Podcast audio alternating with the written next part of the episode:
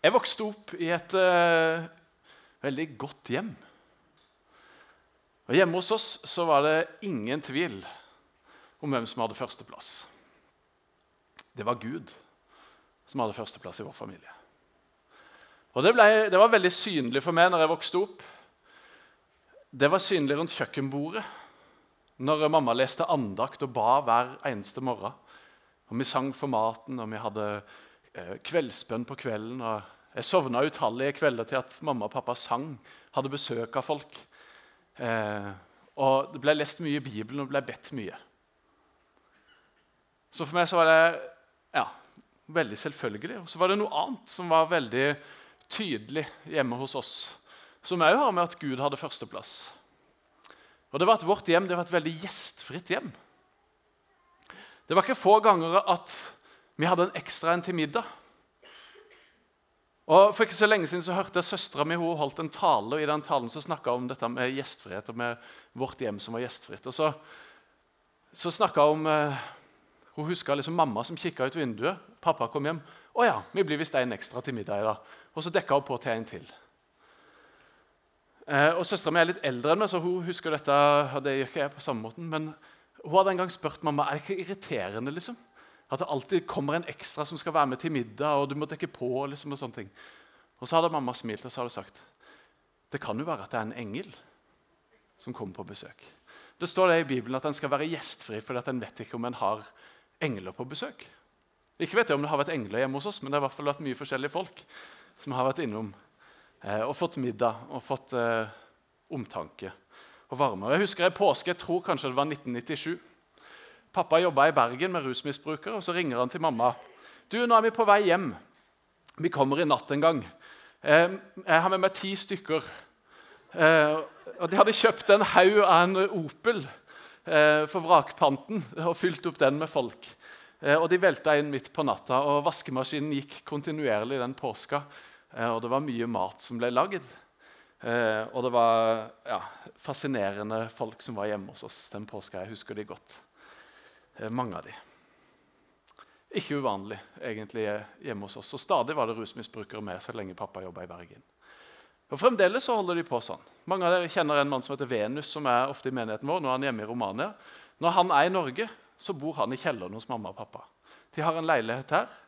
Eh, som han, og Hvis han har med seg familien sin, så bor de der.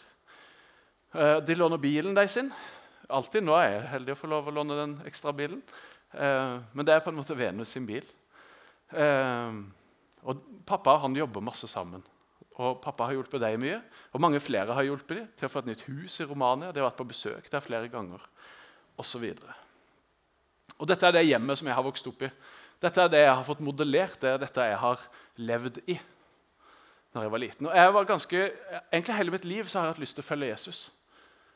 Jeg har aldri tvilt på at han fins. Og jeg har alltid hatt lyst til å følge han. Det har vært så naturlig og selvfølgelig og noe jeg har hatt lyst til. Så jeg har eh, ja, egentlig alltid gjort det. Trodd på han og gått i kirka og ja, fulgt Jesus.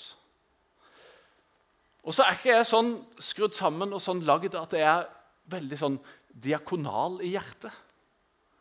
Jeg har ikke et sånn der varmt hjerte som banker ekstra for de som havner litt på utsida. nødvendigvis. Eller som kjenner så masse følelser for de som har det krevende. Noen av oss har det, andre ikke. Og jeg har ikke det så naturlig. Men jeg har blitt så utrolig utfordra på hva det vil si å følge Jesus, òg i møte med mennesker som har det vanskelig. Og i møte med mennesker som en kan bety noe for. Jeg har blitt utfordra av det hjemme, jeg har blitt utfordra av det å lese i Bibelen. Jeg har blitt utfordra av det gjennom andre mennesker i denne menigheten, og mennesker som jeg kjenner, venner jeg har. Hva vil det si å følge Jesus? Åssen ser det ut å følge etter Jesus? Og svaret på det at å følge etter Jesus, det er bl.a. å leve diakonalt. Å følge etter Jesus det er å leve diakonalt. Det er en helt naturlig årsak og virkning av at du følger etter Jesus. Og Hva er å leve diakonalt? da? Diakoni Knut var inne på det forrige gang, det ordet det betyr å tjene. En diakon er en tjener. Og ordet er brukt om Jesus òg. Han var en tjener. Og, eh, på engelsk så oversetter de det noen ganger med en waiter, en servitør. Så Som etterfølgere av Jesus så er vi kalt til å være servitører for andre mennesker. Og hva er det vi skal være servitører av? Jo, vi skal være servitører av Guds kjærlighet. Så når jeg har lyst til å følge Jesus, når jeg kjenner at åh, jeg har så lyst til å leve for Jesus og følge etter ham, da er det helt naturlig at det innebærer å tjene andre mennesker. Å være en servitør som legger til rette for andre, som ser andre, som gjør godt mot andre. Selv om det ikke kommer så innmari naturlig. I hvert fall ikke fra mitt naturlige hjerte. Og heldigvis er det sånn at Jesus han gjør noe med oss. Han rører med oss. Han kan endre hjertene våre og forme dem, sånn at det blir mer like hans, sånn at vi kan ha lyst til å være en tjener. Og Jeg har fått lov å oppleve det at når jeg har vært en tjener, når jeg har levd diakonalt, når jeg har sett de som er rundt meg, når jeg har brydd meg, når jeg har gjort noe for andre, så har det forma hjertet mitt. Så har det gjort noe med meg som gjør at jeg tror at mitt hjerte er mykere nå enn det det var før. Og så vet jeg bare at det er riktig å gjøre. Og Sånn tror jeg det mange ganger har vært for mamma og pappa hjemme òg. Det var ikke det at, de nødvendigvis, at følelsene flomma over, men de bare visste at det var riktig. Det er det som er å gjøre etter Guds vilje. Det er det som å følge Jesus. Det er å invitere inn, ta med seg hjem, gi, dele osv. Det er helt naturlig når en følger etter Jesus. Så vi er tjenere servitører. Og Jeg har lyst til å utfordre oss alle på det denne morgenen her. Og for alltid framover. At vi som følger etter Jesus, at vi lever diakonalt. Som tjenere, som servitører. Jeg skal lese noen vers fra 1. Johannesbrev, kapittel 3. Veldig utfordrende vers, så det er bare å spenne setebeltene her. I 1. Johannesbrev kapittel 3, vers 16-18 så står det Hva kjærlighet er, har vi lært av at Jesus ga sitt liv for oss. begynner Det verset. Og det er så utrolig viktig å begynne der. Og Det var det vi sang om i de sangene. her, Ren og rettferdig. My chains are gone. Vi er fri, vi er rene, vi er rettferdige. Fordi at Jesus har gjort det sånn for oss. Han har vist sin kjærlighet til oss ved at han kom som et menneske, som en tjener han tok på seg tjenerskikkelse, står det i Filipperbrevet, og ble som en av oss. Han kom for å tjene du og meg. Han var villig til å gå i døden for oss, for å vise oss sin kjærlighet. Derfor kommer han. For å være vår tjener.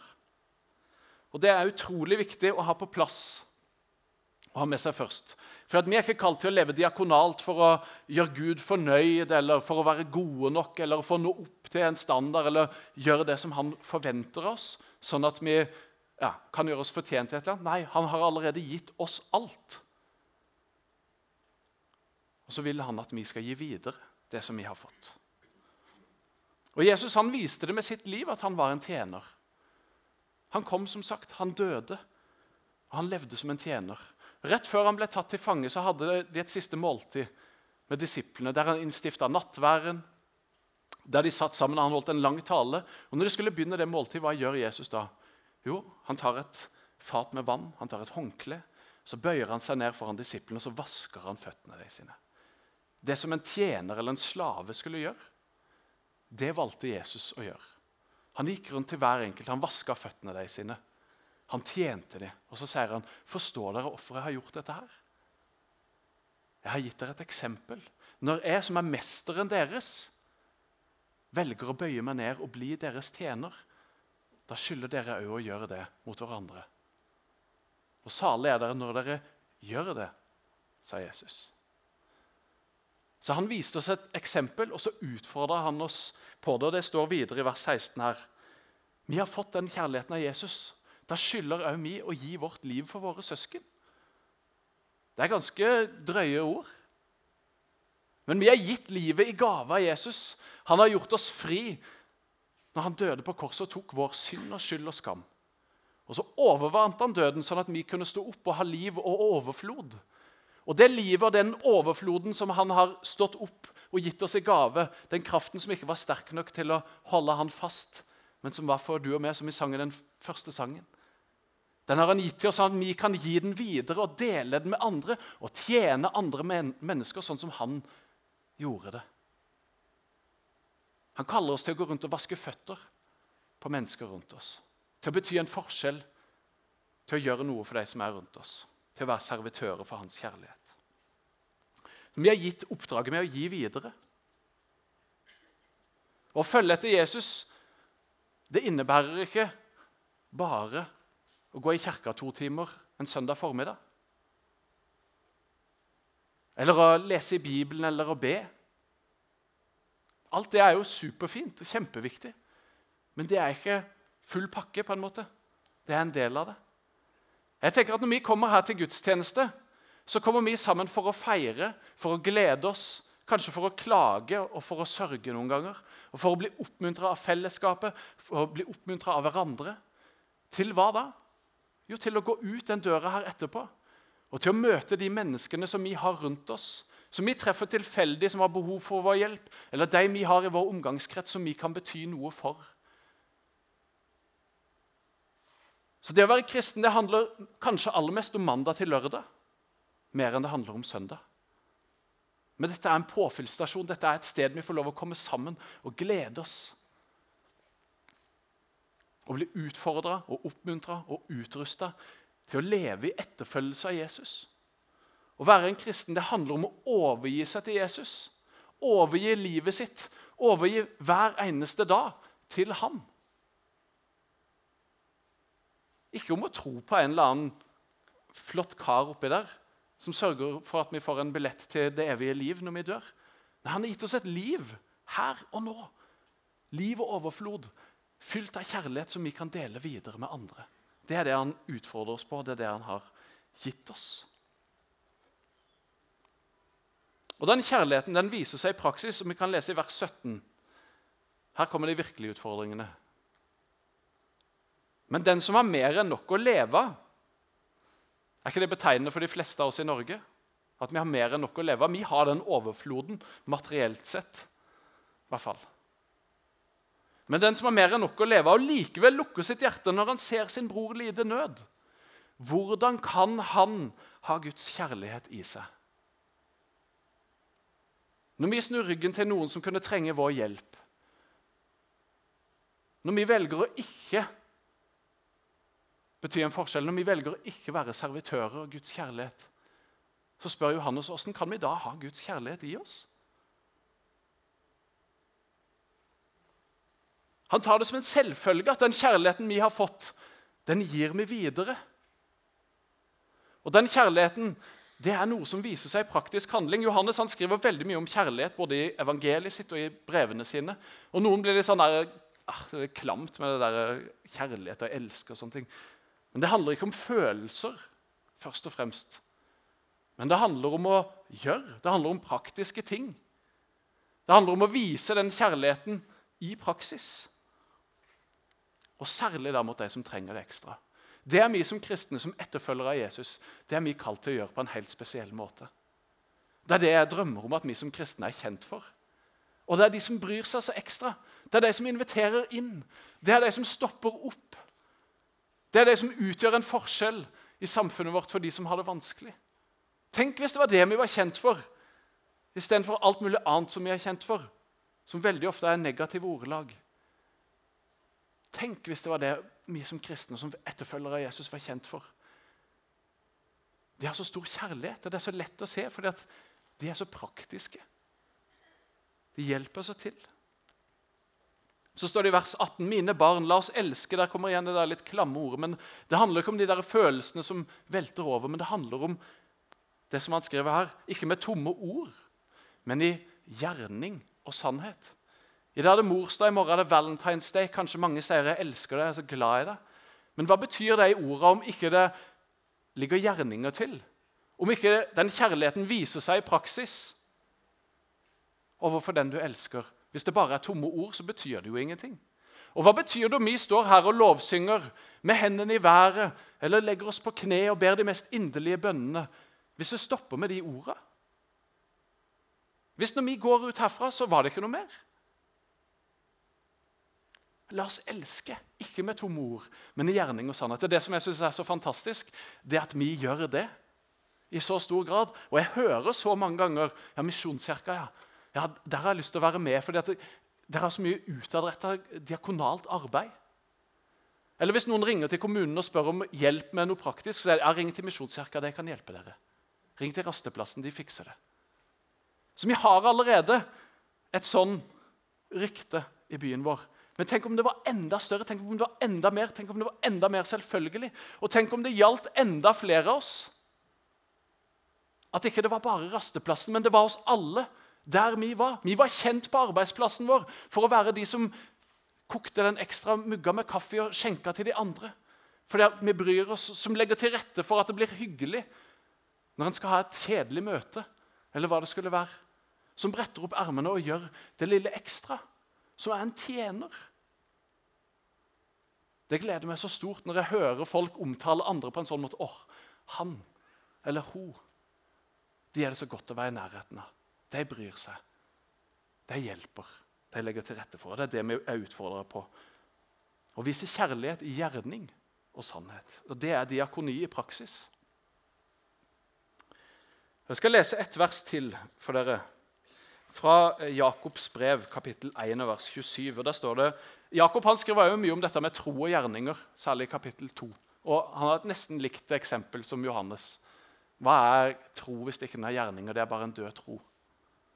Men han sier i vers 1,27 en gudsdyrkelse, eller det kunne nesten like gjerne stått en gudstjeneste, som er ren og feilfri for Gud, vår far. Hva er det for noe? Og det er å hjelpe enker og foreldreløse barn i deres nød. Og ikke la seg flekke til av verden. Jeg kunne holdt en lang tale om den siste delen av det verset. om ikke la seg flekke til av verden. Det får bli en annen gang. Men den første delen, det, der skriver Jakob at en gudstjeneste som er ren og feilfri for Gud, det er å hjelpe enker og foreldreløse barn i deres nød. Tenk noe så praktisk og konkret. Det er det å følge etter Jesus. Det er å hjelpe noen som har behov for det. Noen som trenger vår hjelp, noen vi kan stille opp for og være der for. Og Knut sa i stad at neste søndag skal vi ikke ha gudstjeneste her. Og Det er fordi at vi skal gjøre gudstjeneste. Og Det trenger ikke være neste søndag fra 11 til 1. Du har nå to uker på deg til neste gudstjeneste. Og Det vi har lyst til å utfordre alle i denne menigheten på, det er å gjøre minst én diakonal ting. Du kan gjøre det alene, du kan gjøre det som familie, du kan gjøre det som smågruppe. Og du må gjerne gjøre mer enn én ting. Men minst én gang i løpet av de neste to ukene gjør noe praktisk, helt konkret, for noen som trenger det. Det er utfordringa. Derfor velger vi å ikke ha gudstjeneste neste uke. For å rette et spesielt fokus på det og for å legge til rette for det på en spesiell måte. Og Så lurer du kanskje på hva i heiteste skal jeg gjøre for noe. Jeg skal gi dere noen tips, i hvert fall, og de kommer òg opp på veggen bak her. For det handler om å gjøre noe konkret. I går når jeg kom her og skulle spille inn, så var Karin Haugenes her, en av dekoratørene våre og leder for Rasteplassen. Hun var her og pynta. Og så, så spurte jeg det er jo rasteplassen, det er rasteplassen til tirsdag, det er rasteplassen neste tirsdag. Ikke, jeg har lyst til å bare utfordre folk på å si at dere kan jo være med å bidra på rasteplassen. Hjelpe til på mandag med å rigge til, f.eks. Eller det er jo vinterferie, kanskje noen av dere har muligheten til å hjelpe til på rasteplassen neste tirsdag. Og så sa hun åh, Tenk hvis noen kunne bakt noe og kommet med det på rasteplassen. Boller eller kake eller noe som er fylt av kjærlighet til de som kommer der. Så Det er dagens mest konkrete utfordring. Men Kanskje ikke alle skal bake samtidig. Men bak gjerne noe til rasteplassen og kom og lever det. Og Hvis ikke du har lyst til å bake til rasteplassen, så baker du til noen andre som har behov for det. Kanskje du har en nabo som du vet er ensom eller syk. Kanskje du kjenner noen andre som hadde blitt gleda av en sånn oppmuntring. Ja, komme med kanelboller det fikk vi på døra i går. Det var fantastisk. Og Det er så enkelt og praktisk og konkret og gøy, ikke minst. Og Dere som skal ha vinterferie sammen med ungen deres eller med barnebarna på besøk, bak sammen med dem. Og så Ikke gjør det bare for egen nytelse, nei, men gled noen andre med det. Og noen som trenger det, kanskje litt spesielt, som du vet om. Det kan være de på rasteplassen eller andre. Og Du kan jo hjelpe til på rasteplassen hvis du har anledning til det. Veldig gøy at jeg har skrevet det første lån vekk hytta. Det var liksom det minste, enkleste greia. Men flere av dere har sikkert hytte. Og noen har ikke anledning til å reise på hytte. De har ikke råd til det. Kanskje litt kort frist nå i uh, vinterferien, men kanskje du har muligheten. Lån den vekk. Jeg, jeg, drømmer så om det. Tenk om vi var så ekstremt rause. Jeg synes vi allerede er rause. Men tenk hvis det bare var så naturlig for oss at jeg har ei hytte, selvfølgelig kan du låne den. Og ja, Dere har ikke råd til å reise på vinterferie. Bare lån vår hytte. Eller lån vår bil. Eller lån det utstyret som jeg har. Betaling? Nei, nei, trenger ikke det. Bare lån det. Eller kanskje noen av dere har en leilighet eller et hus ekstra som dere leier ut. Hva med å tenke, Istedenfor å tenke oh, hvordan kan vi tjene mest mulig penger, hvor mange studenter får vi stappa inn i det huset her? Så tenk, Hvem kan jeg bety en forskjell for ved å leie ut dette her? Hvem kan jeg få lov å leie det ut litt billigere enn det jeg kanskje egentlig trenger, så at de får muligheten til å bo? Til stede har et sånn helt konkret eksempel nå, eller behov, av noen som trenger å flytte. Og De bor langt av gårde, for der er det billigst, men de trenger egentlig å bo nærmere sentrum. Sånn er det ofte hvis ikke du har bil. ikke sant, muligheter. Men det er jo veldig ofte dyrt her. Men har du muligheten? Har du en leilighet som står tom, eller som blir tom? Tilby den til noen som trenger den. Det er å leve diakonalt. Så enkelt som det. De tingene vi allerede har. Dele med oss. Gi det. Videre. Jeg nevnte til stede Eh, de var på tett på-sendinga vår sist og snakka mye da. Til stede det er et sånn hjelpearbeid. Det er et diakonalt arbeid. Meld deg til stede, Gå inn på tilstede.no. Skriv 'Jeg vil bli frivillig'. Enkle, praktiske behov. Flyttebehov, f.eks. Det er sånne typisk til stede-greier. Men de driver med øvelseskjøring. Flere av dere som er her driver med øvelseskjøring. De har en bil stående bak her. Og Den bilen den må bli vraka nå etter februar, fordi at den er, blir ikke EU-godkjent. Så de trenger en ny bil til øvelseskjøring. Du må gjerne gi en bil til det stedet. Gjør ingenting, bare gjør det. Den kommer så til nytte og blir så til glede. Og Jeg sier det ikke for tull faktisk heller. Det er veldig lov å le. Eh, og Det var ment som en morsomhet. Men jeg mener det seriøst òg. Har du en bil ekstra som står der og som du bruker av og til, gi den til noen som trenger den mer enn deg. Brett opp lommeboka, kjøp den bilen og gi den til noen. Gå sammen som smågruppe. Kan ikke vi gjøre det? Det hadde vært utrolig kult hvis vi bare ga den. Vi var med å gi en campingvogn på Moisan i fjor sommer. Det er noe av det gøyeste jeg gjorde i hele fjor. For jeg så hva det ble ut av det. Så hvilken glede det ga. Ja, jeg kunne ha brukt de pengene på noe annet, men jeg hadde bare rota de vekk sikkert uansett. Istedenfor kan det bety en forskjell for noen. Og Det drømmer jeg så og lengter jeg så etter. Og jeg har fått kjenne på det. og Det er derfor det begeistrer meg så. Det er derfor jeg har så lyst til at flere skal få oppleve det. For jeg tror at det er det virkelige livet. Det er å følge etter Jesus. Det er å bare bruke alt vi har.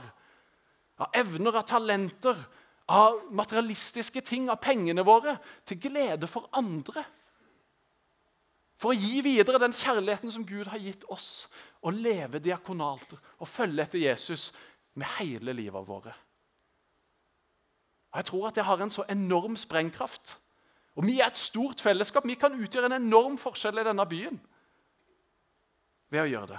Og Vi gjør det allerede, men jeg ønsker bare å se enda mer av det. Og Vi har ikke diakoni på programmet fordi vi suger på det, nei, vi har det fordi vi er gode på det, men vi ønsker mer av det. Vi ønsker mer diakoni.